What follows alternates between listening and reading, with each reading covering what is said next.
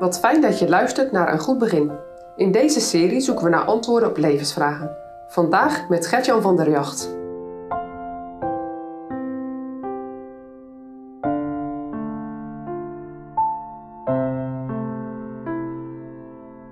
In de afgelopen drie weken hebben we nagedacht over levensvragen. Deze week gaat het over levensvragen rondom Gods leiding in jouw leven. Vandaag de vraag: Gods leiding ontlopen of volgen? Ik wil met jullie twee stukjes lezen vanuit Jona. Nou, dat zou je misschien niet verbazen bij dit thema.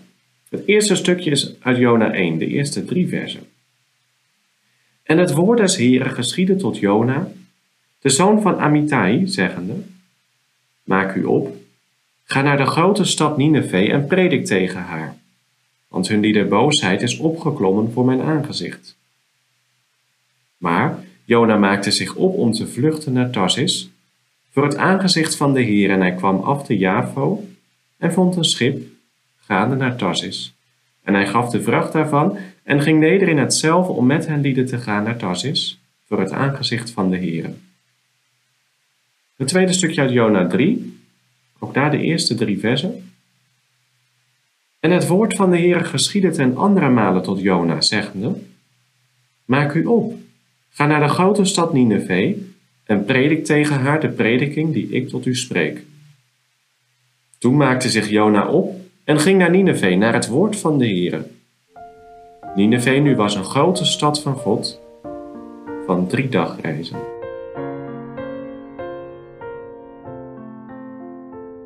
Grote kans dat jij vragen hebt over de leiding van God in jouw leven.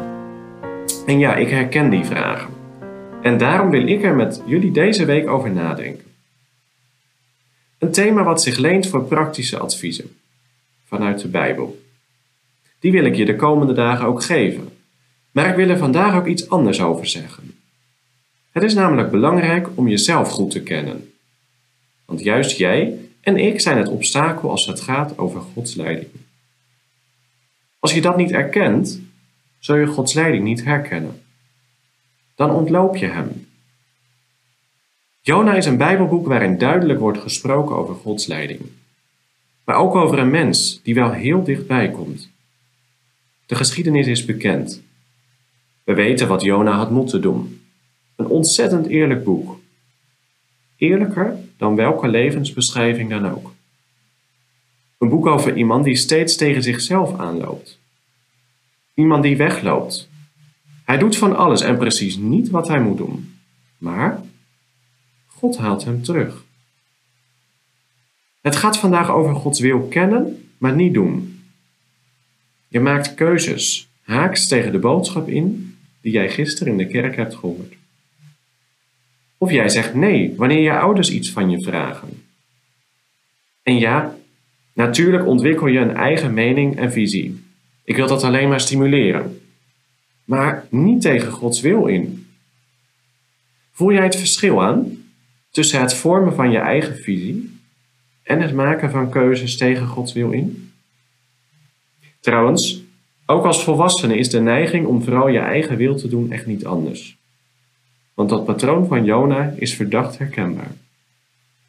Ontloop Gods stem niet. Geef je over aan Gods leiding, want dan komt het goed met je. Je wordt er geen beter mens van. Dat zie je pijnlijk terug bij Jona. Hij ging steeds bij God vandaan, maar toch, als je bij hem hoort, haalt hij je weer terug. Want uiteindelijk ging Jona wel naar Nineveh, naar het woord van de Heere. Ben jij bezig om God te ontlopen? Dankzij Gods leiding heb jij vandaag deze boodschap gehoord. Denk aan Jona, een zondig mens, maar God leidde zijn leven. Beleid je verkeerde keuzes en houding en keer je om. Dan leidt God je verder. Echt waar.